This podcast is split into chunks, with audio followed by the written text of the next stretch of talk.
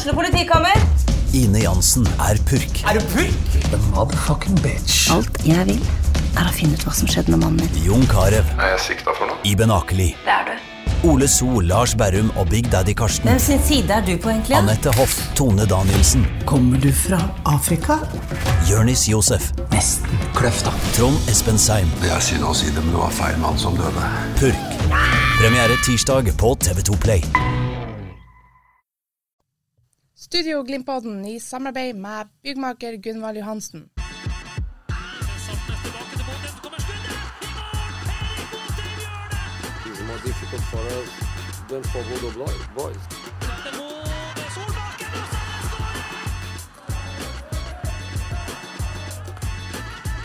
Let's enjoy it. Let's go. Riktig god dag og hjertelig velkommen til en ny utgave av Studio Glimt-podden. Endelig tilbake etter eh, to ukes eh, ja, for å kalle det, landslagspause. Freddy og Børre, velkommen til dere to. Børre først, eh, har du det bra nå etter to uker med landslagspause og ny Glimt-seier? Veldig glad for uh, Glimt-seieren, og også veldig glad for at landslagspausen er over. Velkommen til deg, Børre Arntzen, og Freddy Thoresen, velkommen til deg. Tusen takk. Har du det bra? Ja, kjempebra. Det er jo mandag, og vi gleder oss. Det gjør vi. Det er mye som skjer, mye har skjedd allerede, og det er en særdeles viktig periode som Glimt er inne i nå. Det skal vi selvfølgelig snakke om i lag med Lillestrøm-kampen som var i helga. Vi må òg prate om Glimt sine stadionplaner, som det er skrevet om i Avisa Nordland denne helgen. Og vi skal selvfølgelig òg prate om det som skjer på Emirates Stadium torsdag. Heng med. Og Vi begynner på Åråsen stadion på lørdag, for da er altså Bodø-Glimt tilbake med et brak og sender Lillestrøm på ratata med 4-1-seier. Er du overraska, Børre, over at det skulle bli såpass? Ja, jeg er vel egentlig det. Jeg var veldig nervøs foran den kampen og sa jo til folk rundt meg at jeg hadde gjerne tatt et poeng på forhånd. For jeg, vet jo hva altså historisk sett og, Åråsen og Bodø-Glimt, det, det er ingen god match. Men det her ble jo virkelig en jubelkveld av de, av de helt store, og etter hvert så utrolig fortjent. Så eh, ja, jeg kan ikke gjøre annet enn å glise bredt etter, den, eh, etter den kampen der, altså. For du skrev det sjøl, Freddy. Hvor lenge siden er det Glimt hadde vunnet her på Åråsen? Ja, altså, for å ta historikken, så er det jo tidenes jævelbane for Bodø-Glimt. Det er Åråsen. De vant det en gang på 70-tallet. Om det var 78 eller 79, det vet jeg ikke, men Arne Hansen og Ove Andreassen eller noe sånt skåra mål. Eh, så vant de i 1996. Det er en kamp jeg husker veldig godt. Stig Johansen skåra to mål, leda, Glimt leda 2-0, og så kom eh, Rune Stakkeland og eh, sørga for at jeg var sikker på at det her skulle snu. Men det ble med den ene skåringa til Stakkeland. Og så er det en gang jeg mener at Lillestrøm leda 3-0, og et av de største høydepunktene, Tommy Bergersen og to ganger Trond Fredrik Ludvigsen. Så ut av ingenting ble det 3-3. Det er det Bodø-Glimt har prestert på Åråsen eh, i norsk toppfotball helt frem til Det som er litt merkelig, 2016 ble det uavgjort, 2018 ble det uavgjort, 2019 ble det uavgjort. Alle i Lillestrøm og på Åråsen er steike glad for at de sjøl var i Obos-ligaen i 2020, sånn at de slapp å møte Bodø-Glimt eh, i Bodø-Glimt sin historiske jubelsesong da. Men det fine og det merkelige I fjor 1-0 Erik Botheim, i år 4-1 eh, til Bodø-Glimt. Så det er, det i ferd med å snu det der. eh. De har begravd Åråsen-spøkelset en gang for alle, og det er deilig. Og så kan man jo spekulere i hvorfor det ikke har gått så godt der eh, historisk sett, men eh, Børre, hva, hva vil du trekke fram som årsaken til at det gikk så utrolig bra nå på lørdag? Det er kanskje litt, eh, litt eh, tilfeldigheter, og kombinert med en utrolig god eh, Hugo Vetlesen som kommer inn i, i andre omgangen. Eh, Det må jeg si er vel et av de beste innhopp i Glimt-historien, omtrent. Nei, det var Du kanskje syns han var god? Jeg syns han var smågod. Jo, vi kan jo ta det, for jeg har jo en, en god kollega i NRK Nordland. Eller vi alle, alle har en god kollega i NRK Nordland, Bjarne Brandal. Jeg måtte jo ringe, ringe han i går for å høre om, om han var fornøyd med det han fikk se på Åråsen. Og han, som du, berømmer Hugo Vetlesen for innhoppet etter 73 minutter, og kalte han en sånn krysning av Jesus og Gerd Müller, og det syns jeg var Ja, steike bra, altså. Så eh, Bjarne Brandal, takk for den, nå er den nevnt. Ja, og bare bare for å ta det òg, at eh, Hugo Vetlesen er ikke Glimt-spiller i mange år til. Nei, Hugo Vetlesen er etter hva jeg forstår, så er ikke han Glimt-spiller i 2023. Nei. Og det er vel også, han har vel en kontrakt som går ut i slutten av 2023, Freddy, er ikke det rett? Den eh, løper ut 2023, og så i forrige uke så signerte han med Jim Solbakken, og Jim Solbakken er da agenten til Hugo Vetlesens gode venn Erik Botheim, så de har vel noen planer. Så vi fornyet Hugo Vetlesen i de seks kampene som gjenstår i serien, og i de fire kampene som gjenstår i Europa League, og så blir det spennende å se om han blir, eller om han blir solgt, og eventuelt hvor han havner. Og kanskje at man er blitt litt klok av skade i Glimt òg, med at han ikke har ikke lyst til og mister han eh, på en gratis overgang fordi at kontrakten løper ut, men han gjerne vil selge han i vintervinduet, sånn at eh, man får penger for han. Ja, det er i hvert fall det som er god klubbdrift. Mm. Det å skape spillere som du som når- de nå har tatt stegene og, og eh, kan på en måte Og vil videre, og nå vet ikke jeg om Hugo vil videre, men jeg vil jo tro at han er sånn som alle andre eh, fotballspillere, at de, de vil ut til, til utlandet. Så det, det er jo en del ting som ligger i sakens natur her, og så håper jeg at eh, Glimt eh, tjener mer eventuelt på Hugo Vetlesen enn det de ser ut til å gjøre på Ola Solbakken eller andre spillere som forlater gratis. Altså Hvis Hugo fortsetter sånn som han har eh, holdt på nå, så vil jo han sannsynligvis bli Eller det er i hvert fall grunn til å tro at han kan bli den, den dyreste spilleren fra Glimt noensinne. Han er jo en helt, er jo, han er utafor eliteserienivå, han er jo fantastisk. Og så har han et, utrolig utstillingsvindu òg nå, når de skal inn i Europa League. Han bør, være, han bør skinne nå på, på torsdag i, mot Arsenal f.eks. Altså han er, jeg, tror, jeg tror de som er, altså klubber har så god, god kontroll på han, de, de ser hva det her er for noe. Jim, Jim Solbakken inne i bildet her også. Jeg, jeg, jeg tror vi kan forvente en eh, i Glimt-sammenheng en gigantovergang hvis han ellers holdt seg skadefri og, og, fortsetter den sportslige utviklinga si. Hvor, hvor mye syns du bør at Glimt bør vektlegge det her, at han bør selges nå i vinter bare for å kunne få penger for han? Ja, nei, altså, det, Som Fredrik sier, det er jo god klubbdrift. Han, han, har jo virkelig gjort jobben sin i Glimt. Han har jo, Det er jo ikke noe som kan påstå at han bare kom hit for å ta et år og så bli solgt videre. Han har jo vært her og fått uh, sving på karrieren sin og virkelig bidratt i Glimt sin sterkeste periode historisk. Så vi, vi, vil, vi må jo være, bare være takknemlige. Og hvis han i tillegg forlater Bodø og Glimt med å etterlate masse millioner kroner, så er jo det bare helt en, ja, en fantastisk historie, rett og slett. Og Grunnen til at han starter på benken nå på lørdag, Freddy, det var vel fordi at han har hangla litt med en skade. Hva er siste nytt på den? Er han klar til 90 minutter mot Arsenal, eller hva vet du om det? Nei, jeg vet ikke så veldig mye, men det vi vet er at han fikk seg en antydning til noe bak i låret som han ikke Altså i før landskamppausen mot Haugesund. Han har meldt forfall til U21-landslaget og har trent godt, og, og var å se ute på Aspmyra i treningsuka inn mot Lillestrøm. Men da var det Amahl Pellegrino var litt av og på, Ulrik Saltnes var litt av og på.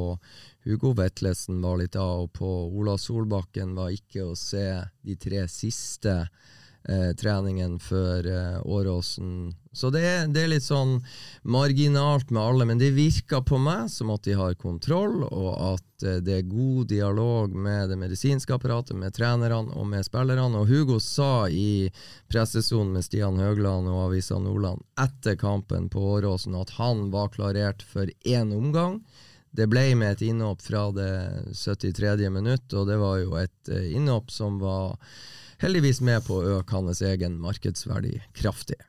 Og kanskje legge beslag på den eh, posisjonen på banen òg. Ja, så er, det, så er, det, på en vis det som blir inngangen mot uh, torsdag, og, og, det som skal skje mot Arsenal på Emirates, er jo er, det, er han klarert for 45 minutter, er han ikke klarert for 45 minutter? Skal og det gjelder jo alle de spillerne jeg nevnte her. Skal vi starte med de man er litt usikker på, eller skal vi Altså Skal man kalkulere med noe som man vet man må bytte på, eller skal man starte med noen andre og ta byttene etter hvert som det dukker opp et behov? ikke sant? Så Det var jo det som var vurderinga for at han ikke skulle starte på Åråsen. De starta med Albert. Så visste de at de hadde noe å sette inn på hvis Albert skulle kjøre seg tom, eller hvis kampbildet eh, tegna for at de ville ha en endring. Og de traff jo ganske bra med vurderinga på lørdag, i hvert fall. Det er ikke noe dum joker uansett, bare, å ha Hugo Vettelsen eller Albert Grønbæk på benken? Nei, det er virkelig ikke det. Det er jo ganske fantastisk å tenke på at vi har to så gode spillere på den, på den plassen nå. og Albert gjorde seg jo ikke bort på lørdagen. Det skal ikke fremstilles som at han var så dårlig at han måtte, måtte byttes ut av den grunn. Men Hugo Vettelsen er bare på et, et akkurat, i hvert fall da, og har vel vært det flere ganger, på en sånn helt eget nivå. Så han, eh, ja, det, det, det er joker de luxe det ved å starte med han på benken. Det kan jo bli, bli artig. Men nå er vi over på Arsenal-kampen. Ja, det skal vi komme tilbake til litt senere òg, men vi må ta med oss litt det som var før Lillesand-kampen òg. Freddy, du var inne på det. Ola Solbakken glimrer med sitt fravær på treningen i forkant. Var heller ikke med i troppen, eh, hvis jeg husker rett, på lørdag? Han var ikke med i troppen, og så Nei, altså, Jeg snakka litt med en del i trenerapparatet til Glimt, og før Lillestrøm-kampen så, så, var det flere av de som innrømte og antyda at de merka i spillergruppa at det som skjer på torsdag, det er i hodet til enkelte spillere. Så eh, hadde det vært Arsenal som hadde det vært motstander på lørdag, så kan det godt hende at Ola Solbakken hadde vært enda mer klar enn han var på lørdag. Og det er jo det her, det er jo naturlig, altså det er menneskelig. Du kunne kanskje ha pusha deg, men hvis du pusher deg, så setter du deg sjøl ut av spill torsdag. Så det er på en måte forståelig, og jeg syns Glimt løste det eh, veldig bra. Både med det laget de sendte utpå, og hvordan de matcha dem. De vet at uh, Ola får Og det er jo det, vi så det med Brede Mo ikke sant, uh, tidligere i sesongen. Han trodde, han mente sjøl han var good to go hjemme mot Salgiris. Han han holdt det i 17 minutter og måtte byttes etter 20, og har da vært ute av spill siden. Nå var han tilbake for første gang siden Salgiris hjemme, fra start mot Lillestrøm på Åråsen. Så det er jo det du kan risikere hvis du Eh, pushe deg sjøl eh, tre-fire dager før tida. Mm. Da kan det ryke ti kamper, altså. Så det er jo et snev av fornuft også, men trenerne til Bodø-Glimt har en liten mistanke om at her er noen nå som virkelig driver og prøver å spise en liten toppform til torsdag. Det er forståelig. Men hva er det han sliter med? Hva som er skaden til Solbakken? Nei, det er jo eh, Det var nå skuldra som satte han ut av spill, men vi har en liten mistanke om at det er en liten murring oppi en av lyskene får vi se hvor, hvor hardt den sitter. Han sprenger jo ganske fort, han har en kraftfull muskulatur, og jeg syns de kampene vi har sett han etter at han kom tilbake fra skulderskaden sin, så har han vært eh, offensiv, han har vært pågående, han har ikke stått og hvilt seg. Jeg syns han har eh, på en måte visst at han vil noe i enhver situasjon han har vært involvert i, Ola altså. Og eh, pluss for han, etter å ha vært ute så lenge. Han har jo ikke vært på banen siden Sarpsborg hjemme, som endte 4-1. og Han var involvert i de tre siste målene Glimt skåra. Han var involvert i begge skåringene eh, egentlig mot Zürich, og han var involvert i målet til Runar Espejord mot Haugesund. Så så han har made an impact etter at han kom tilbake, og, og han har en eksplosiv kropp. Er, han er stor, han er sterk og han er hurtig. Så det er klart eh, at eh, kroppen etter så lenge uten kamptrening eh, kjenner litt på de jeg holdt på å si, den belastninga den har vært utsatt for. Det, det er naturlig, og da må man være litt forsiktig. Freddy er inne på det sjøl, Børre, men uh, Brede Beckenbauer Mo, som uh, dere har døpt han, Freddy, er tilbake for første gang i Midtforsvaret. Hvor viktig er det? Ja, jeg tror det er veldig viktig. Han gjorde jo en bra eh, Jeg ble litt engstelig da han ble bytta ut, om han da var, var for at han bare skulle, slapp, skulle, få litt ro, eller om det var fordi han kjente noe mer. Jeg vet ikke om du har hørt om det? Jeg er helt sikker på at det her er kontrollert. Ja. Også han har vært ute såpass lenge. Én time er det som er planen. Og det som er steike fint, jeg syns jo Marius Lode kommer inn og, og jeg merka ikke at Brede Mo var borte.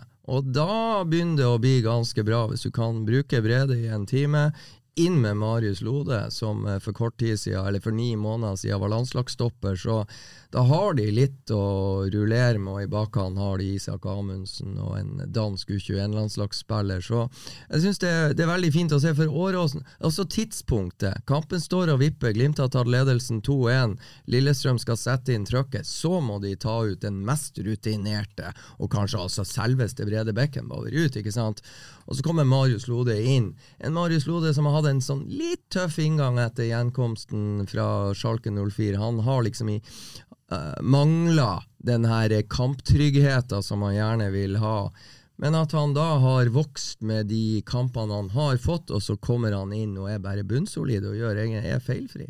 Men siden vi er der på midtstopperplass, jeg mener vi må skryte litt av Høybråten også nå på, eh, på lørdagen. Jeg syns ja. Han var helt fenomenal. og det, Jeg tidligere tenkte meg at når Marius Lode og og Brede Moe er klar, så er det de selvfølgelig som skal spille, men det er ikke så selvfølgelig. Nei. Høybråten er kanongod. Og Det ser du òg på det offensive. også. Han har jo en Nettopp. kjempesjanse som bare stryker stolperota. Mm. Han er på en heading òg, som det skal ikke veldig mye til for den går eh, innafor. Så absolutt, eh, han er jo nesten untouchable nå, Marius Høybråten. Ja, og det spesielle med Marius Høybråten Jeg prata med han før helga, og det, jeg måtte sjekke med han, du Marius, etter at du signerte fra Sandefjord til Bodø-Glimt. Hvor mange treninger har du stått over med skade?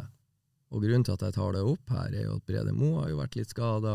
Eh, Jaffet Seri Larsen har vært en del skada. Marius Lode har vært en del skada. Marius Høybråten bekrefter han har ikke stått over ei trening for Bodø-Glimt. Og da sier jeg han har ikke stått over ei trening. Han er alltid tilgjengelig for trenerne, og han er alltid klar til å steppe inn. og Det var jo det han gjorde til å begynne med i Glimt-karrieren. Det ble jo mange kamper på han. For annenhver kamp sto jo Marius Lode og Brede Mo over, og så kom Marius Høybråten og steppa inn og bare lappa hull. Og han er blitt bedre og bedre og bedre, og det er da det er så steike befriende å se hvor steingod han er å spille til en åtter på børsen. På banen han debuterte som 16-åring og 308 dager gammel for Lillestrøm mot Fredrikstad i Eliteserien i gamle, gamle, gamle dager. Og også for han var det jo steikeartig å slå gammelklubben på sin tidligere hjemmebane. Men stopp, men stopp litt på den. altså, Bare ta den. altså. Var det han kom til Glimt? Er det tre år siden? To?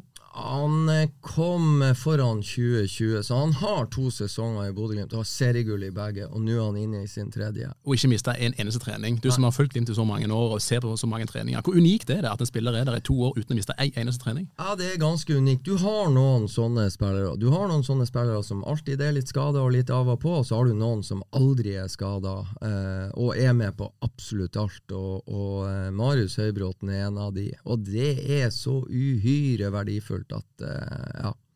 Det som også er artig, det er at han var selvfølgelig ekstra tent nå på lørdag mot gamle lagkamerater på en gammel hjemmebane, men han er jo ikke Han er jo god andre, andre plasser òg. Han er bare rett og slett bidd Han holder bare rett og slett et høyt nivå for tida. Ja, det er og- fantastisk artig å se. han, han sier han er 27 år nå, og vi hadde oss en, eh, som jeg sa, en liten prat. Den var vel også på trøkk, men det er jo en del som ikke kommer på trøkk i et sånt intervju. Men, men, eh, men uh, han eh, er jo hellig krystallklar på at han utvikler seg hver dag, og, og det er jo ingen tvil. Jeg syns det er artig. ikke sant? Den 27 nå var 24-25 da han kom. Å se den utviklinga han har hatt, er utrolig interessant. Han legger, han legger ny, stadig nye brikker i eget spill, både i det offensive og det defensive. Jeg syns på en måte vurderinga til, til Kjetil Knutsen, med, med årsaken da han ble vraka sist hjemmekamp mot Haugesund, og Kjetil sa det ganske bra, syns jeg, i pressesona etter kamp, at han er klar over at han tar vekk duellstyrken og det, det defensive boksspillet til Marius Høybråten, men han forventa at Glimt, for å få åpna opp i et litt eh, defensivt Haugesund-lag, ville være bedre tjent med å ha de offensive kvalitetene til Isak Helstad Amundsen og Marius Lode. Derfor ble det vurdert som det ble den kampen. Jeg konfronterte også Høybråten hva han tenkte om å bli vraka. Ja, Det gir meg motivasjon til å jobbe enda hardere på trening neste uke. Det er sånn han er. Og skulle la det smelle litt ekstra. Det har han tydeligvis gjort i ferien, og etter at de møtte tilbake på treningen, og så leverer han til en åtter på børsen. Fantastisk. Men i, i, en, eh, i et lag hvor dette med relasjoner har blitt trukket fram veldig mange ganger, hva, hva har det å bety at man bytter ut en stopp, bistopper der og midtstopper der? Altså, Har det noe å si? Jeg tenker bare at så bra og så høyt nivå Brede Moe og Marius Lode har spilt mange kamper sammen. Marius Høybråten og Isak Amundsen har spilt mange kamper sammen. Og Marius Høybråten har spilt mange med Marius Lode, og mange med Brede Moe. De er såpass smart, og de jobber såpass mye med detaljer, de her spillerne, at den biten der tror jeg er ivaretatt nå. Eh, alle, De fleste konstellasjonene der begynner å bli bra. De har en sånn kjemi og en trygghet å lese hverandre. Men så er det klart det, det er en fordel jo, jo, jo flere kamper du spiller sammen i, sånn i oktober nå, du har åtte kamper. Hvis samme stopperpar spiller disse åtte kampene, så er det klart de, de trenger ikke å bruke mye tid på å tenke på hva den andre gjør i kamp nummer åtte, for det vet de. Men, eh, men jeg tror ikke Glimt har noe særlig problem der. Jeg tror det blir ganske bra uansett hvem som spiller nå. Det ser sånn ut, men jeg vil gjerne benytte anledningen til å ta opp et, en annen forsvarsspiller, og det er Bris. det, det ble et interessant spørsmål på sosiale medier der jeg involverte meg litt i helga, nemlig eh, er, det, er det han gjør det av, av positivt, eh, og er det mer og bedre og viktigere enn det han gjør negativt? Vi skal ikke legge skjul på at det er jo hans eh, helt upressa feilpasning som gjør at Lillestrøm får lov til å, å, å rulle over Glimt og sette inn uh, utligninga. Og det, det er helt upressa. Du så jo også at Ulrik eh, Sartnes han var jo han jo fortvila. Altså han sa det jo rett ut i at eh, vi kan ikke bare drive og gjøre sånne upressa feil. Og, da, og det er et interessant spørsmål. Hva, hvor står Bris hen nå? Hvor er, er det gjør han? Han? Dette er jo ikke første gangen. Nei, det, det er ikke første gangen, og, og eh, jeg tror jo Bris er klar over det her, og jeg tror eh, han jobber med det. Det er det å gjøre litt sånn feil er en del av fotballen, men, men jeg tror, og jeg syns jeg synes det ser, ser det på inngangen til Bris, men jeg, jeg vil på en måte ta tilbake til inntrykket jeg har eh, etter Bodø, å se Bodø-Glimt borte mot PSV Eindhoven. Så er en del av de tingene Bris gjør i den kampen der, er så skyhøyt nivå, og det er så komplekst, og det er så komplisert, og det, du, det er så dristig det han gjør. Det, og det er det her for å skape det mm, og- og, og-. Ja, det å, å, å gå forbi ledd. Og måten han var i ikke maksfart, men 50% fart før han mottar ball. Altså Han er oppe i fart og er nærmest på, på vei forbi leddet før han mottar ballen. Det å, det, og det er en del sånne, sånne ting som de jobber med, så, så, eh, det, så det, det blir litt sånn det er mye han gjør som er litt vanskelig å se, som er steike, steike bra og viktig for Bodø-Glimt som lag. Og, og hvis dere la merke til Kjetil Knutsen også i, i pressesona etter kampen, så var det to spillere han valgte å honorere kraftig eh, etter 4-1 på Åråsen. Og det var hvordan Bris og Alfons Samsted hadde på en måte løst sine backroller for å for å straffe de, de rommene som, og de hullene som etter hvert oppstod i motstanderlaget Lillestrøm. Så jeg tror at hvis man skal summere plusser og minuser, de jækla lett og vi er nødt til å ta Bris på den feilen han gjør, for det er en såkalt unforced error. Det er ikke noe vits å gjøre det. Spill ballen til en eh, lagkompis.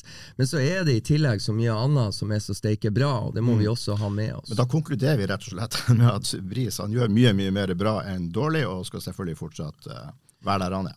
Ja, og så skal vi ikke lenger tilbake enn til, til Haugesund hjemme, hvor, hvor eh, Ola Solbakken, som jeg sa, er involvert i skåringa. Ola Solbakken er ute på venstre, holder han, ser at Bris kommer på et enormt løp bakfra, slipper han utpå i overlapping.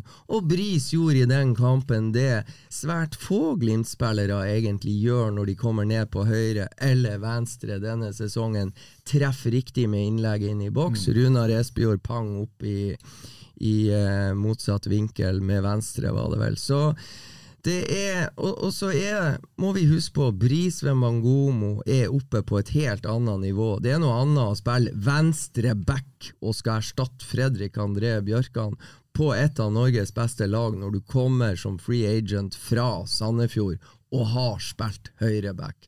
Så jeg tror bare han blir bedre og bedre og bedre. Så håper vi selvfølgelig at han slutter med sånne tøvfeil. For Ulrik sa det jo, vi må ikke gi vekk skåringer som det der. Og det at han får spille såpass mye òg, handler vel òg om eh, hvilke alternativer som er på venstrebacken? Ja, og jeg, for, jeg tror det altså, Glimt må antageligvis ha en, en, en, ny sideback. eh, Vi vet ikke om Alfons forsvinner eller ikke, men en ny sideback må de sikkert ha inn mot 2023. Men eh, jeg tør ikke å sette pengene mine på at ikke Bris Wembangomo er venstrebacken eh, til Bodø-Glimt også i 2023. Får de tak i en steike god venstreback, ja ja, da er sikkert Bris Wembangomo høyreback i Bodø-Glimt i 2023. Så nei, han må bare få lov å, å fortsette. Og det her er også en spiller som har hatt sine skader før han ble Glimt-spiller. og han tilpassa seg nivået mer og mer og mer. Hadde ei steike spesiell opp, oppkjøring da med egentlig kamper i Europa League uten Altså det var tre ukers oppkjøring i Spania og skal inn i et nytt regime, så Nei, Eh, det er plusser og minuser, og jeg tror plussene begynner å bli flere.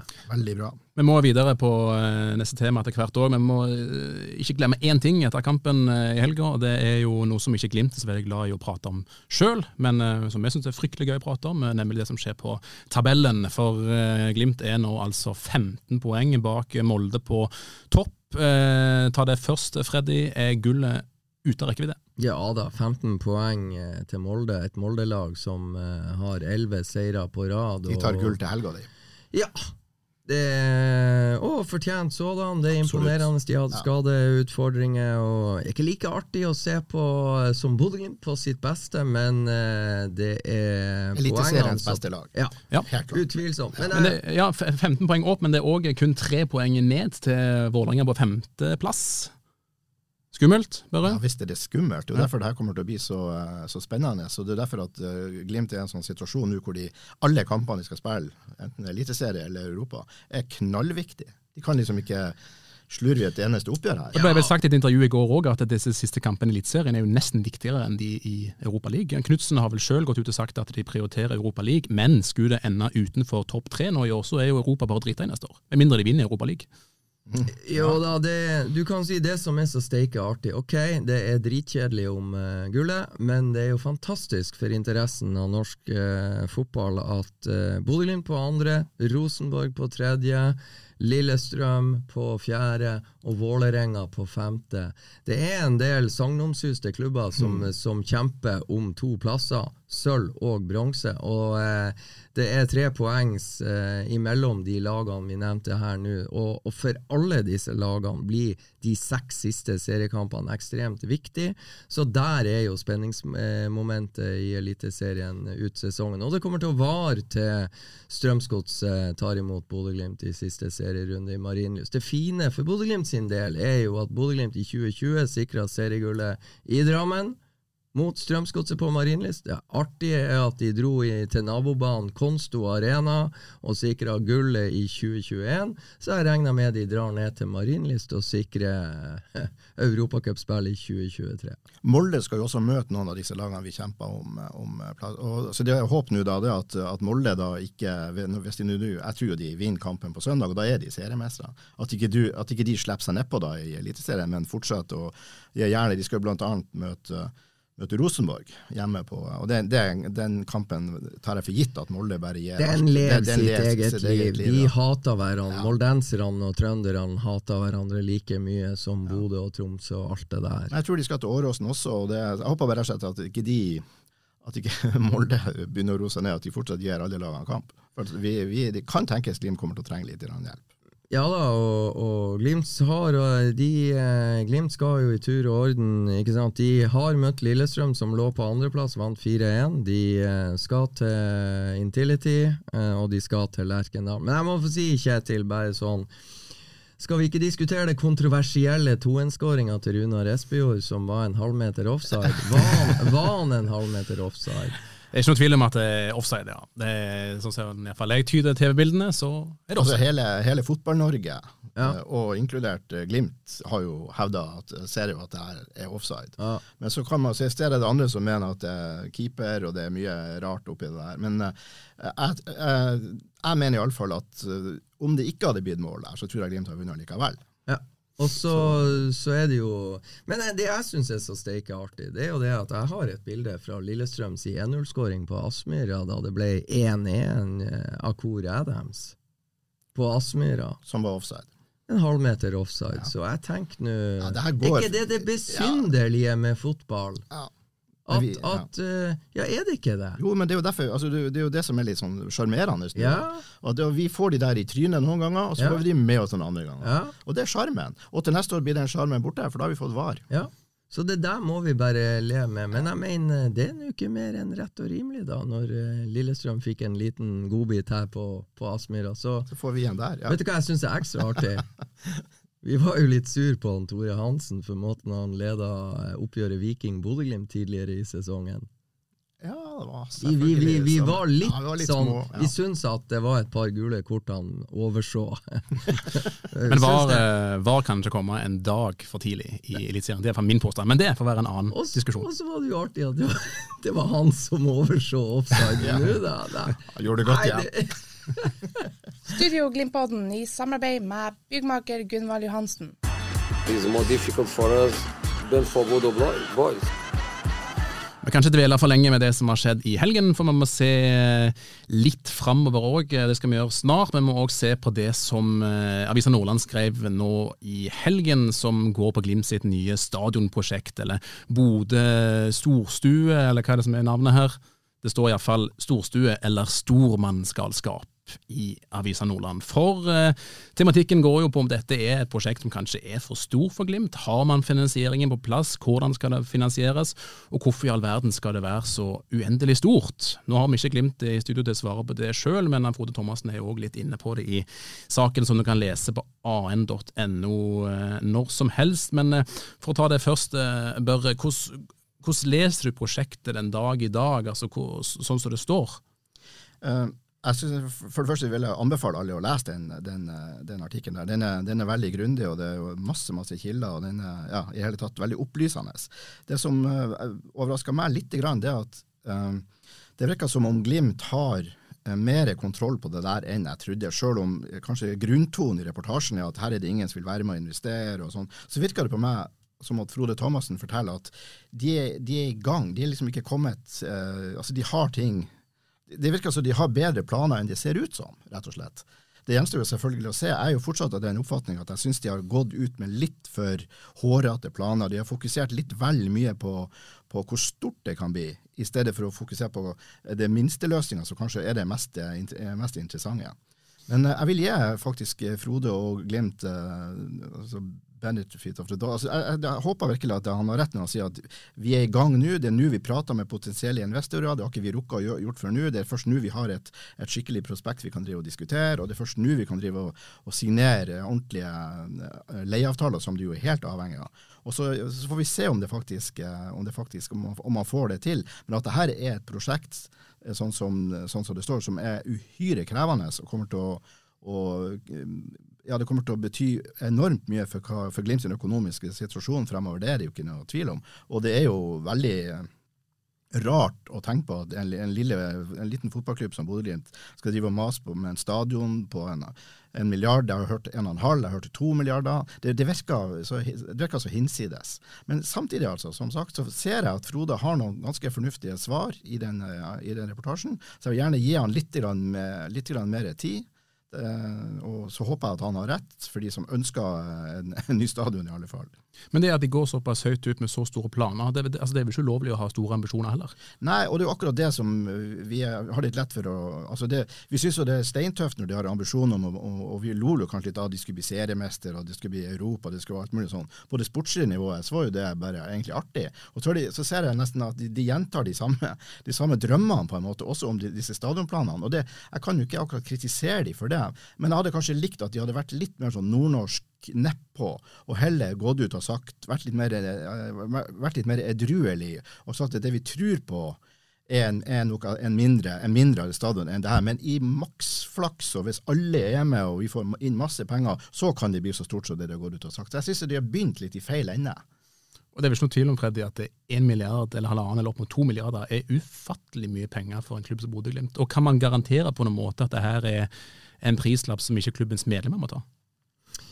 Ja, altså, jeg syns jo saken som uh, han Tore, vår kollega i Avisa Nordland, har skrevet, er fryktelig opplysende, og, og som Børre var inne på, mange kilder. Så jeg vet jo Jeg føler jeg vet mye mer enn nå enn de presentasjonene som uh, fra tid til annen har kommet fra Bodø-Glimt. For det, det er på en måte én ting man savner, hvordan skal dette finansieres? Og det er svimlende beløp i sving. og og det som er lettest for meg å, å peke på, det er jo at Bodø-Glimt bare for å få lov å starte og sette spaden i jorda, antageligvis må kjøpe tomta for 80 millioner, mens Vålerenga, da de bygde Intility i Oslo, som er en av få stadioner som er bygd i senere tid, som faktisk går an å drive etter at den står klar, Den ble kjøpt fra Oslo kommune for én krone.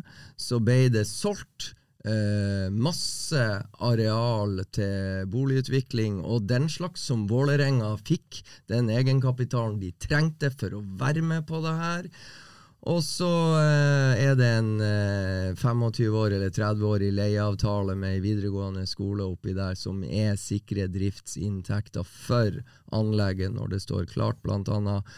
Så, så eh, Glimt må jo nærmere opp med 100 millioner for å få lov å sette i gang, og det gjør at eh, den dagen det står klart, så skal det være drivverdig. Så eh, Nei, det, det, blir spennende å følge, og, og eh, jeg registrerer også som Børre at det kan hende Bodø-Glimt har litt mer eh, kontroll enn en, en vi skulle tro, og har en del aktører som vil inn. Men det var ikke så veldig lett for oss å få de i tale til å si det rett ut nå, da.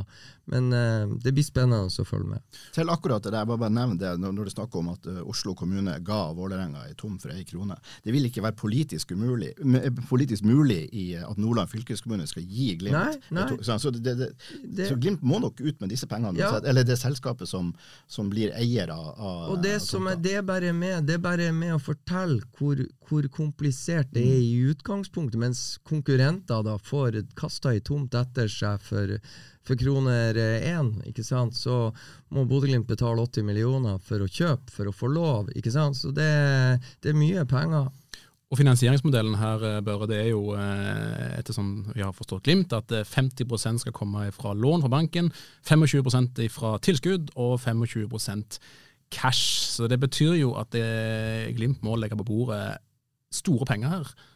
Kanskje ved hjelp av investorer. Eh, leietakere må det på plass. Altså, hvor realistisk er det, sånn som du ser det per nå? Jo, altså, det er jo realistisk eh, eller det blir mer og mer urealistisk jo høyere sluttsummen blir. Altså Hvis de klarer å lage et stadionprosjekt som er, som er la oss si 700-800 millioner, så er det mer realistisk enn hvis de holder på å vase opp i over en milliard og sånt. Men eh, det virker jo som om eh, at dette kan være mulig, sånn som det ser ut. Men 25 eh, i tilskudd syns jeg høres litt, litt mye til utgangspunktet, selv om jeg vet at de har en del friske planer for sånne energiøkonomiserende tiltak, og sånn jeg, hvor det også er en del midler å hente. Så er det en ganske betydelig sum å, å, å beregne det her, altså, eller å basere det prosjektet på så mye i tilskudd. Og så kan jo kanskje håpe at de får noen av byens rikeste folk med seg etter hvert. Men det er jo helt avhengig av hvordan økonomi selve driften av det her eh, anlegget blir. Og det vet de jo ikke før de har fått kontroll på eventuelle leietakere og alt. Så det er jo, eh, fortsatt er det jo veldig mye som er i det blå, men det er jo dritkult at de driver og holder på med disse planene. Ja, så er det, jeg syns det er fascinerende. ikke sant? Vålerenga har i Oslo et hockeylag, og de bare får seg en ny storstue for Jordal Amfi gammel, og, og Vålerenga kan ikke spille fotballen, kan ikke spille verken på Bislett eller på Ullevål, og de får en Intility. Jeg, jeg, skulle ha likt å se litt mer entusiasme og engasjement og positivitet og glød fra andre enn Bodø-Glimt rundt dette prosjektet, og de savner De stemmene har ikke jeg sett, de, de savner Det sitter antageligvis et par på J-feltet og, og, er for, men eh, eh jeg syns uh, ikke jeg har registrert så mye jubel og entusiasme ut fra Bodø-Glimt, og det overrasker meg faktisk. For, eh, for Eh, det var stort engasjement og stor pågang da eh, byen skulle få sitt eh, eget kulturhus nede i, byen. Det var det mange stemmer som var for og positive. Selvfølgelig noen imot også. Imot. men, men Nei, så, så Men hvem skal, hvem skal den entusiasmen komme fra? Nei, Det vet ikke jeg. F.eks. fra en steinrik fyr som har lyst til å gå inn i prosjektet. Men sier ikke det litt om hvor jo, ganske lite tro de har på det? Jo, det er akkurat det. Det er akkurat det som er poenget mitt. Mm. Det, det, for meg forteller at uh, de har en vanskelig jobb uh, foran seg. En krevende, Jeg syns det er tøft av dem at de tør å stå i det, at de ønsker det. De viser offensivitet. Men jeg ser foreløpig så, så, så, ser jeg ikke at de får noe drahjelp. Noe Men hvis de nå klarer å gjøre som Frode sier, å gå ut med realistiske og interessante prospekter og møte alle disse folkene, og hvis de da i løpet av de neste ukene ikke merka noen endring i stemning, som du helt korrekt er inne på. Hvis ikke vi da hører noen som sier at det her er bra, det her skal vi prøve å få til, så kan man virkelig begynne å tvile. Ja. Ja, Frode peker jo på det at i løpet av de neste to månedene så har man eh, litt mer konkrete svar og konkrete ting å presentere. Så gjenstår det jo å se hvor konkret det egentlig blir. Men for, for å ha tatt det òg, da. Eh, Hvorfor skal man ha den stadion, Børre? Ja, der, eh, Det er jo mange gode grunner for det. Man har snakka om forhold for publikum og, og, det å kunne utvikle klubb videre. og Det, det, det, er gode argumenter. Eh, du, skal, du, ser jo at Aspmyra er, er slitt, og det er trangt der, og det er få utviklingsmuligheter siden det er et sammensurium av eiere, og det er Bodø kommune og det er private folk som eier deler av det, det området der. Men likevel så savner jeg eh, ei utredning. altså Glimt har jo satt av 25 millioner for å utrede det nye stadionprosjektet. og Etter det jeg forstår, så har de brukt ganske mye av det allerede. Men jeg kunne ha savna om de kunne ha brukt litt penger på å virkelig utrede ei oppgradering av Aspmyra. Det er ikke mulig, det, altså det, det kan tenkes at den utredninga vil vise at det er, ikke, det, er ikke, det er ikke mulig. Men vi har i hvert fall gjort alt som har vært mulig for å kunne få sjekka ut den saken. Jeg syns at eh, Aspmyra i høst har vist oss at den den gir oss jo veldig mange gode opplevelser. Det er greit at vi, også, Hvis vi da kunne ha gjort med noen få grep, kunne ha fått litt mer tak, kunne ha fått bygd igjen svingene, kunne ha fått gjort sånne ting. Vi trenger jo ikke noe særlig flere tilskuerplasser enn 8500-6 som vi har nå. Det er helt innafor det. Og vi, som sagt, vi har jo hatt eh, Champions League der. Det var en storkoselig opplevelse. Jeg satt ikke ett sekund og tenkte på at nei, nå skulle jeg sittet på Rønvikjordene og, og, og på, med, noe, med noe salatbedrift på taket. Så jeg, altså, jeg, jeg, føler, vi, jeg føler, ikke at, at Aspmyra prosjektet er godt nok eh, begravd. Jeg skulle gjerne likt å se gode argumenter for, eller de, de, de, ordentlige argumenter for at nei, det er bare å glemme Aspmyra. For jeg tror at veldig mange i Bodø tenker nei, la oss nå heller oppgradere den. Og det er Et uh, moment som du har pekt på sjøl, i Glimt, det er jo dette med at de har spilt på dispensasjon fra Uefa, for det er diverse regler knytta til det å spille i Uefa-regi, om det er Europa League eller Champions League eller Conference League. Nå er jeg ikke helt oppdatert på akkurat det, men, men de, uh, oppfyller de alle kravene til Uefa nå, eller er de fortsatt på dispensasjon? Ja, det, det, det, det, har ikke jeg undersøkt fullt og helt, men det jeg har fulgt veldig godt med på, det er jo at det brukes en del penger hver bidige dag for å oppgradere Aspmyra til å eh, innfri kravene og forpliktelsene fra Uefa. Stadionkapasiteten er økt, sitteplasser. De driver nå, det er tyvetalls arbeidere og jobber med med nye kontorer og nye presserom og nye alt mulig i første etasje på den nye altså Diadora hovedtribunen der gamle bowlingen var, og Bar Liga og hva det ikke het. Altså det, De utvider kapasiteten der i, i, i uh, alle rom, og det blir uh, Og det brukes en del penger. Det er mange uh, håndverkere i sving. og, og så, så eh, Aspmyra blir jo bedre og bedre og bedre, og det er investert masse. Jeg tør ikke å tenke på hvor mye som er investert eh, fra 2019 og frem til nå. Så eh, jeg er jo litt enig med, med Børre at Og en sånn her enkelt resonnement fra en enkelt sportsjournalist fra Hemnesberget, så det er klart det, det går an å rive uh, tribunen sikkert uh, ut mot uh, Hålogalandsgata, som ble bygd i 1966, og sette opp en helt ny uh, sak der som tar høyde for en god del av de kravene Uefa har. og, og um, det blir antageligvis litt billigere enn å bygge et helt nytt stadion til 1-1,5-2 milliarder oppe på Rønvikjordene, eller Taleåkeren, så det heter mer presist. Så, eh, så det heter Talleveiåkeren? Talleveiåkeren, ja, der er vi. Nei, så, så eh, jeg skjønner hva, hvorfor Børre sier, eh, etterlyser en liten utredning om, om Aspmyra. Og de tegningene jeg har sett på et sånt fornya Aspmyra. De ser jo faktisk steike tøffe ut, de òg. Og det har vært eh, lansert eh, mange ganger i mange ulike versjoner. Det å gjøre noe med SNN-tribunen og så bygge opp noe nytt. Men så er det vel så bare, sorry bare, men så er det vel så du sier de her eh, Du må jo ha høyere utdanning, i hvert fall to-tre år oppe på Nord universitet for å forstå eierforholdene på Aspmyra sånn som det er den dag i dag. Men jeg var til stede på det årsmøtet, ekstraordinære årsmøtet i Glimt, hvor de vedtok å la styret og, og, ledelsen få bruke inntil 25 millioner for å, eh, for å prosjektere dette nye anlegget. Og der, og der, var de innom, der eh, var styrelederen innom dette med Aspmyra, men det var liksom bare, han bare avfeide det. Mm. Så det, var ikke, det, det, det er glemmesak. Vi er nødt til å tenke stort og nytt og, og dit. Så det er egentlig Aspmyra kan vi egentlig bare, bare se bort ifra. Når det gjelder det her med Uefa sine krav, der er det en pågående debatt nå i andre land.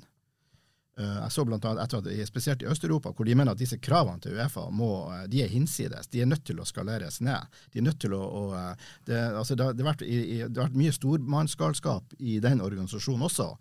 Og, og de ser nå at det med relativt enkle grep, og hvor også har sett at Aspmyra har vært brukt som et eksempel i, i diskusjonen i Øst-Europa, og, og det her får de det til uten at de er nødt til å, å, å bygge svære nye arenaer. Så det kan tenkes at også Uefa er nødt til å begynne å eh, ta til seg den økonomiske virkeligheten, at ikke bare de kan drive og, og, kreve og kreve og kreve nye, svære ting hele tida, som gjør det umulig for små klubber egentlig å være med på det her. Så det, det er interessante det, det, bevegelser også i den saken. Ja, helt klart. Og der er det jo eh, opp til Lise Klavenes og hennes eh, folk i Danmark, Sverige, Finland, Island. Altså, jeg har vært rundt på Island og sett eh, hvordan fasilitetene er på hjemmebanen til Valur. Jeg har sett fasilitetene til Sjalgiris, som nå er å spille i Conference League, og, og, jeg har vært i Sofia og sett kamp, og jeg har vært i, i Zagreb, som nå spiller i Champions League. Så det er klart at eh, det er viktig, tror jeg, at eh, det norske fotballforbundet jobber med de som eh, føler at de får litt for heftige krav til stadionkapasitet satt til seg. For eh, det går an å løse disse tingene langt smidigere enn de reglene som jeg tror Uefa har satt. Da handler det om å snakke på eh, alliere seg med sterke alliansepartnere som kan tale de små klubbers sak i denne forbindelse. Det, eh, hvordan vil du sammenligne de her stadionene du, du nevnte nå? da? Altså, kan, Nei, altså, ja. altså, stadion, halve stadion til Dinamo Zagreb er jo stengt pga. at det har vært jordskjelv der. Den stadion er, den ene langsida, hovedtribunen på langsida er stengt, og de er redd for at den kan rase sammen any, any day. Derfor er det ikke publikum der. Men det er like greit å la Bodø-Glimt, eller Dinamo Zagreb, ta imot Chelsea og spille uh, Champions League-kamp. Det er greit. Så, så, det Nei, det er jo uh, Det er jo veldig merkelig å komme dit, for du, du ser jo at stadion er sliten. Men den har jo sjarm, atmosfære, så det holder etter. Og, og, det er historie i veggene, og Luka Modric har spilt der, osv., osv. Så, videre, og så, så, så alt med måte, tenker jeg. Og de har nå sikkert en kompans... Eller en dispensasjon for å få gjennomført der.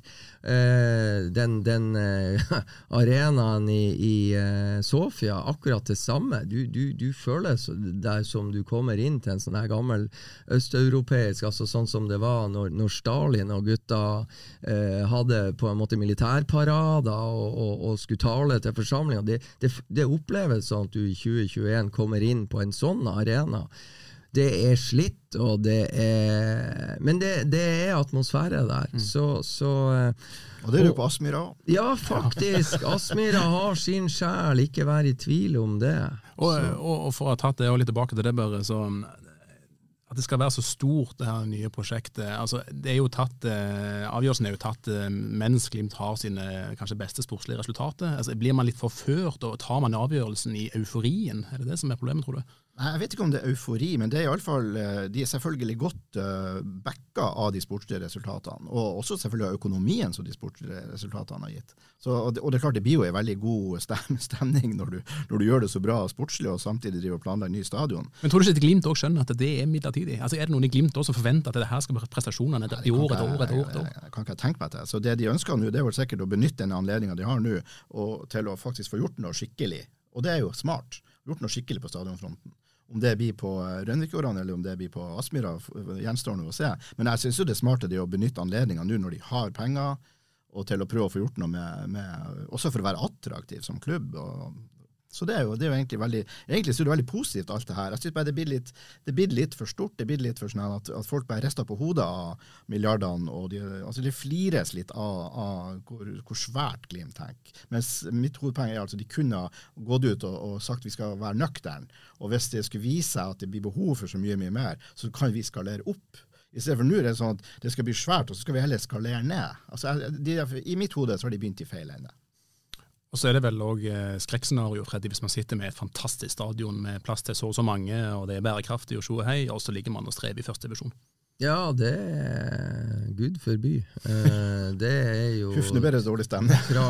Nei, men altså, det Start uh, fikk en fantastisk arena. Den står nå der, og det Det er jo tidenes eh, stadionmillionunderskuddssluk, mens eh, laget sportslig eh, etter å få ei fet investorgruppe inn som skulle bygge opp et nytt storlag, der eh, så ligger de og vaser etter at millionene er brukt opp eh, på, på, den sportslige satsinga. Så ligger de midt på tabellen i Obos eh, den dag i dag. Og vi skal ikke lenger tilbake enn 20 var det 2018-sesongen hvor uh, Start under ledelse av Kjetil Rekdal vinner 2-1 her på Aspmyra, og jeg var rimelig sikker på at det andre nedrykket på tre sesonger var i ferd med å stakk seg ut, så eh, berger Glimt plassen med uavgjort på Lerkendal i siste serierunde. Start rykker ned. Den reisa Start har hatt siden 2-1-seieren på Aspmyra, er interessant. Ikke minst hvis du sammenligner det med hvordan reisa til det laget som tapte 2-1 i den samme kampen, har vært. Studio Glimpodden i samarbeid med byggmaker Gunvald Johansen. Tilbake til Bodø, så kommer skuddet! I mål! Erik Botheim gjør det! Vi må ta en flytur fra Aspmyra eller uh, Talleveiåkeren over dammen til London and Emirates Stadium, hvor Bodø-Glimt skal opp mot eh, selveste serielederen i Premier League, nemlig Arsenal førstkommende torsdag. Bare si den setningen, Freddy. Hva føler du av det?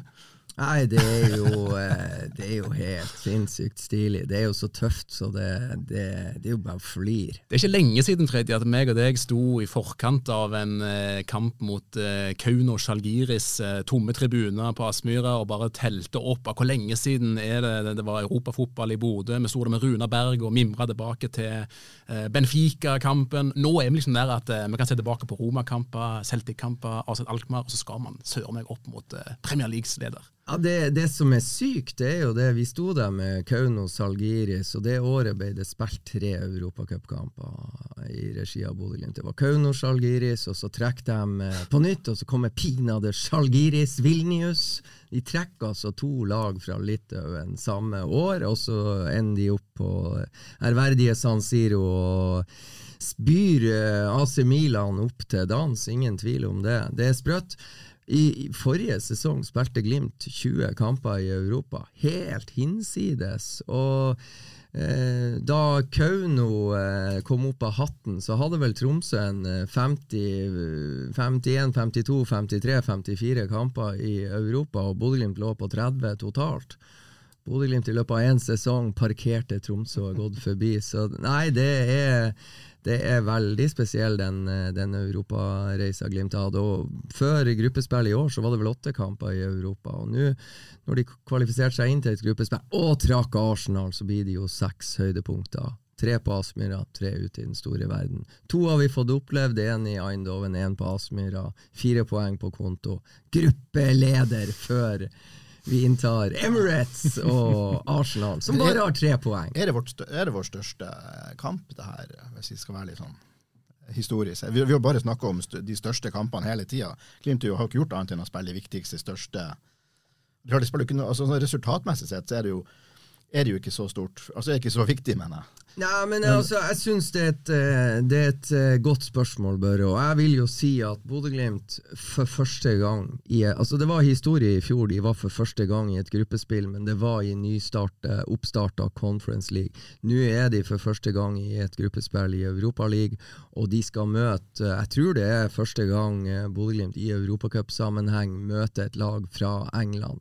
Og det er ekstremt mange norske fotballsupportere, som, og vi vet grunnen, som har et, forhold, et spesielt forhold til, til, engelsk fotball. Stort sett alle har sitt personlige favorittlag. Det har også spillerne i Glimt-garderoben. Og, og, eh, så det er klart, når de skal opp i Europa League og møte se, eh, serielederen i Premier League i London, det er klart det er antageligvis eh, historiens feteste Glimt-kamp. Men vi må ta med første europacupkamp Bodø-Glimt spiller altså mot Napoli, hjemme og borte, i, et, i 1976. Og Bodø-Glimt er da på nivå to i norsk fotball.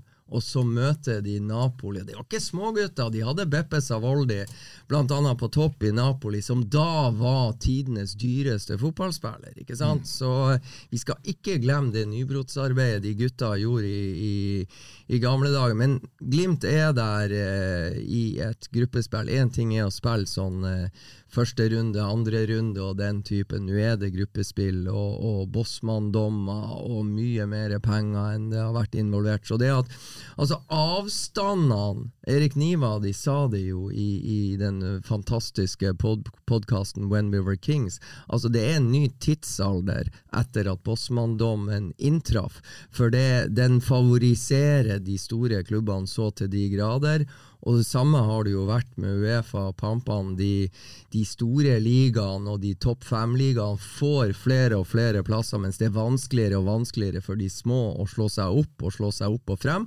Det er en av grunnene til at Conference League ble eh, oppstarta. Det skulle være muligheten for de små klubbene. Bodø-Glimt beit godt ifra seg der, og nå er de oppe i Europa League og skal bite. Ja, Foreløpig har de fire poeng av seks mulige. og jeg fleipa jo litt at de er på tabelltopp, men jeg må jo gjøre oppmerksom på det at Arsenal har bare spilt én kamp. Men det fascinerende er å, å sitte i Eindhoven og høre på pressekonferansen til van Nistelrooy, som sitter der og mener at kampen om andreplassen blir å stå mellom PSV, Glimt og Zürich, og han snakker med krav om å bli trudd. Det er en Det står mellom de. Arsenal kommer til å vinne, og så blir det opp til oss andre tre. Og det at Glimt er der i At PSV-treneren tar opp det, og han har den eh, CV-en som han har, det gjør det ekstra fascinerende. Så jeg følger med. Han har ikke en så dårlig CD, Franco Foda, som for øvrig har fått sparken som Zürich-trener. Har dere fått med dere det? Ja, det absolutt. ja. Så eh, han hadde jo bare fire år som landslagstrener for Østerrike før han overtok Zürich, og han også var krystallklar på Og han, det var vel enda sterkere å høre han si det. For han trekker jo frem PSV spesielt, må konkurrere mot Bodø-Glimt om å bli nummer to, og så får vi i Zürich gjøre så godt vi kan mm, mm. mot de to.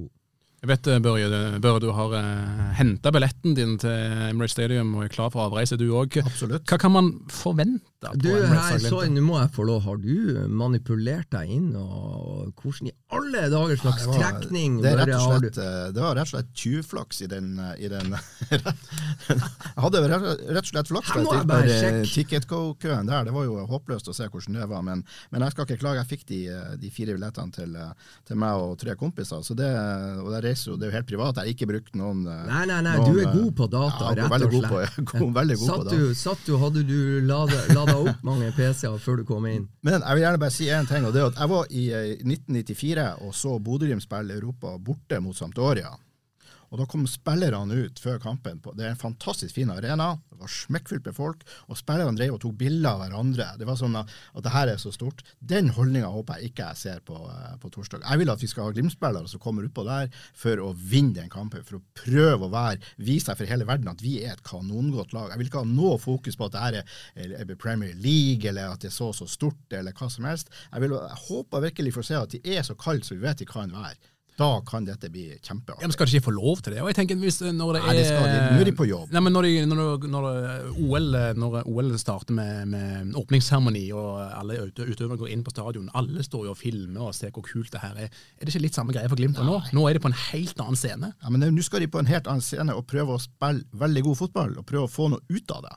Det er litt sånn hua i handa-mentalitet å, være så opptatt av omgivelsene og opptatt av motstanderen og de feite navnene og de svære lønningene og alt det der. De må dit, og så må de prøve å være rett og slett Bodø-Glimt. Jeg vet jo at det her, er, det her blir jo sikkert han Kjetil å si 18 ganger, men det, det, må inn i hodet på spillerne. Må inn, de må være der at vi skal nå spille en så god kamp som overhodet mulig. Dette er en enorm sportslig sjanse for meg. Hvis jeg spiller veldig godt, og hvis vi spiller veldig godt, vips, så har jeg kanskje en proffkontrakt i lomma. Så det, det, er der jeg vil se dem. Ja, og det er der de kommer til å være, Kjetil. Ja, Those days are gone. Det er altså José Mourinho og Roma-spillerne kommer ut på Aspmyra og tar selfier og bilder og tjo og hei. Det er, det er, sikkert en og annen Glimt-spiller som tar et bilde av seg sjøl på Emirates. Men ja, hvordan, gikk, hodet, hvordan gikk det med José Mourinho? Ikke sant. Men hodet, hodet, og alt kommer til å eh, De begynner å bli godt vant. De har vært eh, på Olympiastadion i Roma to ganger. Det var eh, spektakulært også for de å komme til den der banen i Zagreb. Så, så eh, de, er, de, er, godt vant. De har spilt for 60 000 i Roma, og, og de skal spille for 60 000 på Emirates. Og vi er jeg må ta tilbake til denne tida. Tommy, Tommy, Hansen var en av de. De var og møtte Beitar i Jerusalem borte, og han skulle ha med seg gutta rundt og, og, og gå og, og, være turist. Og Tommy Hansen var en av få som var turist. Jeg mener han for på tur i lag med tidligere Nordlandsposten-journalist Robert Weiåker Johansen. Og de fikk se masse spennende. Men det artige fra den gang, og det her er Runar Berg har fortalt historien før, han skåra tre mål. Glimt vant 5-1 over Beitar i Jerusalem. Siste målet var en volley som var den praktfulle sorten, og da reiste Beitar-fansen seg opp og applauderte, som de gjorde til Cristiano Ronaldo da han skåra på, på brass, eller hva det var, for uh, Real Madrid mot Juventus, og senere gikk til Juventus. Men altså det som var så artig, det var jo når disse feterte Beitar Jerusalem-spillerne kom til Bodø. Og det er bare for å illustrere hvordan tida var. Runar hadde skåra hat trick. Beitar Jerusalem skulle spille returkamp i Bodø. Og så finner de jo Oi, Berg Sport! Gutta på laget hadde lyst til å fære inn og kjøpe seg nye Adidas-sko. Kommer inn i denne sportsbutikken med Adidas-sko. Hvem svarte var det som sto bak disken når de skulle ha betalt for skoen? Jo, han der eh, sniken som hadde skåra hat trick på dem i bortekampen. Da fikk de en følelse av, for noen amatører det var fra Norge, som hadde vært og slått dem 5-1. Så den tida er forbi, og jeg tror eh, Brede Moe har sagt det flere ganger til meg. Brede Beckenbauer. Han uh, har hatt det skøy i Europa. Han hadde det skøy på San Siro, og han hadde det skøy på eh, Olympiastadion i Roma, som det ble 2-2. Og Han og Marius Lode har resonnert, og da er vi inne på to av de bedre kampene de har spilt i lag. Altså 2-3-tap mot eh, AC Milan og 2-2 borte mot Roma. Den beste kampen mener de sjøl er bortekampen mot Molde i fjor, som endte 2-0 til Glimt. Men han har hele tida hatt lyst til å måle seg opp mot Premier League. Og mens Bodø-Glimt har møtt italienske lag, Napoli, AC mm. Milan, Roma og, og, og, og Sampdoria osv., skal de for første gang opp mot et engelsk lag. Jeg tror de er steike spent på hvordan de klarer seg. Og så blir det spennende da å se hvilket lag stiller Arsenal med. De vant 3-1 over Tottenham nå i helga. Bodø-Glimt vant 4-1 over Lillestrøm. Toppkamper i hver sin liga, så er det kamp på Emirates på torsdag og så møter Arsenal Liverpool til helga. Og så møter de Glimt igjen. Ikke sant? Og det blir spennende. Tøft program. det er et tøft program, altså. Ja, det er knalltøft. Eh, tenk å møte Glimt to ganger oppi det her. På ei uke. Men, og det blir, det blir, spennende å se hvor, hvor mye de frykter Bodø-Glimt, og hvilke stjernespillere de sparer, så de skal slippe fornedrelsen. Eh, men, men er det ikke grunn til å tro at Ødegaard har, er det ikke grunn til å tro at kapteinen på Arsenal har uh, klargjort fordi at dette er et, uh, at Glimt har gode spillere, vi kan ikke undervurdere dem? Ja, det vil jeg tro. Ja, jeg, nei, det, nei, har ingen tro på at Arsenal kommer til å undervurdere Glimt. Nei, jeg tror ikke, altså, det er ikke det jeg sier. Altså, Arsenal har jo altså, to milliarder i, i uh, budsjett osv. osv. Uh, de har jo en ganske De har en fetere tropp på benken å, å kaste innpå enn det både Roma og Bodø-Glimt har. Så, så det er jo det. Eh, det, det, å ta ut Gabriel Jesus og Martin Ødegaard De er jo ganske gode, de som kommer inn, da. Det, det er jo det som, det er, er, det er, det som er greia. men det blir, de sparte mange borte mot uh, Zürich. Eh, det blir veldig spennende å se om Martin Ødegaard er på banen. Og, og, men jeg tror Arsenal er så proff de har. Og proff, ja. Det er jo flere uker siden de har vært og gjort research i Bodø. Både hvordan lander vi, hvordan er flyplassen, hvordan hotell, hvor skal vi spise, hvor skal vi trene. Så de er nok i meget god rute og er steike klar over hva som møter dem. Det er jeg hellig overbevist om. Og Så må vi ta det òg, for det er ikke bare en, eh, det sportslige som vi bryr oss om her. altså 3000 eh, Glimt-fans skal pryde London og Emirates Stadium. altså Det er jo nesten historisk i seg sjøl. Ja, det, det, er historisk. Og jeg håper virkelig at de 3000 som er i bortesvingen, at de virkelig er for det første at de er oppriktige Glimt-supportere, at det ikke er noen andre som har klart å sneke til seg de billettene. Og at de som er der, meg sjøl inkludert, er villige til å gjøre en jobb derfra, og synge og, rope og være ordentlig med. For det, det kreves for at du skal kunne høres, og for at Glimt-spillerne skal få den støtta de, de fortjener. Så må vi også på tribunen gjøre jobben vår ganske så godt. Og så blir det jo Det er akkurat det du er inne på her. Det blir jo eh, veldig interessant å se hvor mange holdt på å si Arsenal-supportere fra Norge er det som lurer seg inn fra her og der og kriker og kroker på supporterfeltet til Bodø-Glimt, og hvor mange Bodø-Glimt-supportere som har kjøpt fly og eh, booka hotell osv., som reiser til London uten å ha kampbillett. Det blir uhyre interessant. Det var rift om billetten her hjemme, Freddy, for bodøværing eller nordmenn som kommer komme over og får se på kampen. Men vil det være like mye rift om billetten enn når du bor i London? Altså, vil, vil Emirates være utsolgt, tror du? Ja, altså det er jo Det sies jo at den er mer eller mindre det, det, det, Arsenal gjorde, i motsetning til Glimt, det var de, de sa at uh, kamp, europaligakampene hjemme også skal være en del av sesongkortet. Også, og stadion er i utgangspunktet utsolgt. Også, men så har de noe som heter at de kan, hvis ikke vil, kan bruke den, så lar du den gå til, til klubben, som, som, kan selge den videre eller gi den til noen andre som har medlemskap her og der. Det er veldig god grunn til å tro at det blir utsolgt, eller at det blir fullsatt på Emirates på, på torsdag. Ikke minst i den formen Arsenal er i nå.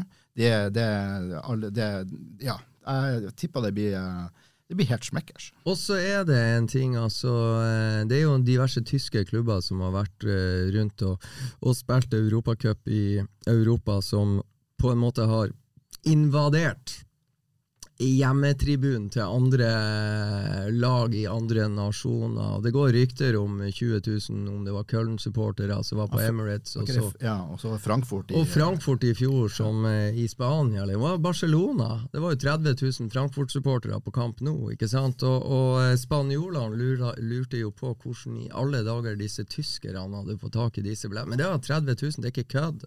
Mm. Og det ryktes 20 000 med et annet tysk lag som kom til Emirates. Og det her er Arsenal klar over, så de prøver jo det de kan å lage regler som gjør at de skal unngå at det blir 20 000 Glimt-supportere.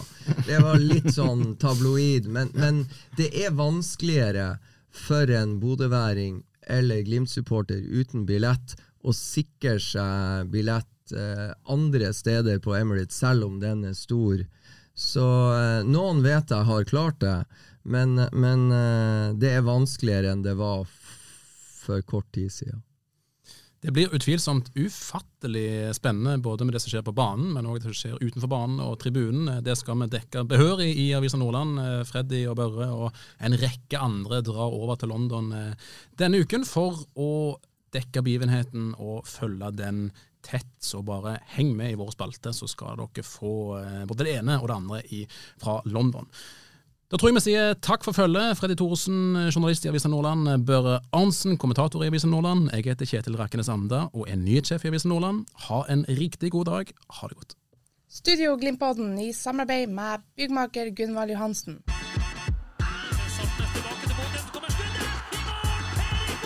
Den satt.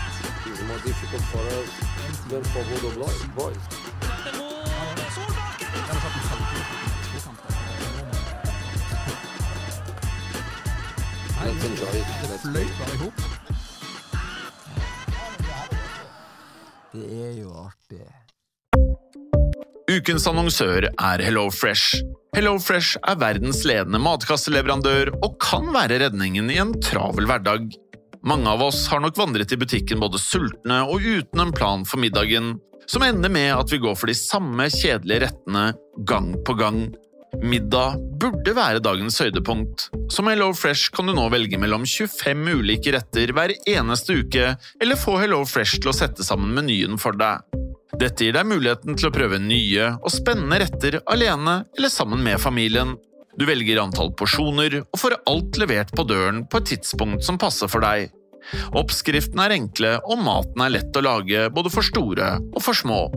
Ved å få alt levert hjem får du også mer tid til å dele matgleden med familie og venner. Kanskje det frister med asiatiske tacos eller greskinspirert kylling? Da kan jeg anbefale deg om å gå inn på hellofresh.no. Her kan du bruke koden FOTBALL og få opptil 1779 kroner i rabatt på de første fem matkastene hvis du ikke har prøvd Hello Fresh tidligere.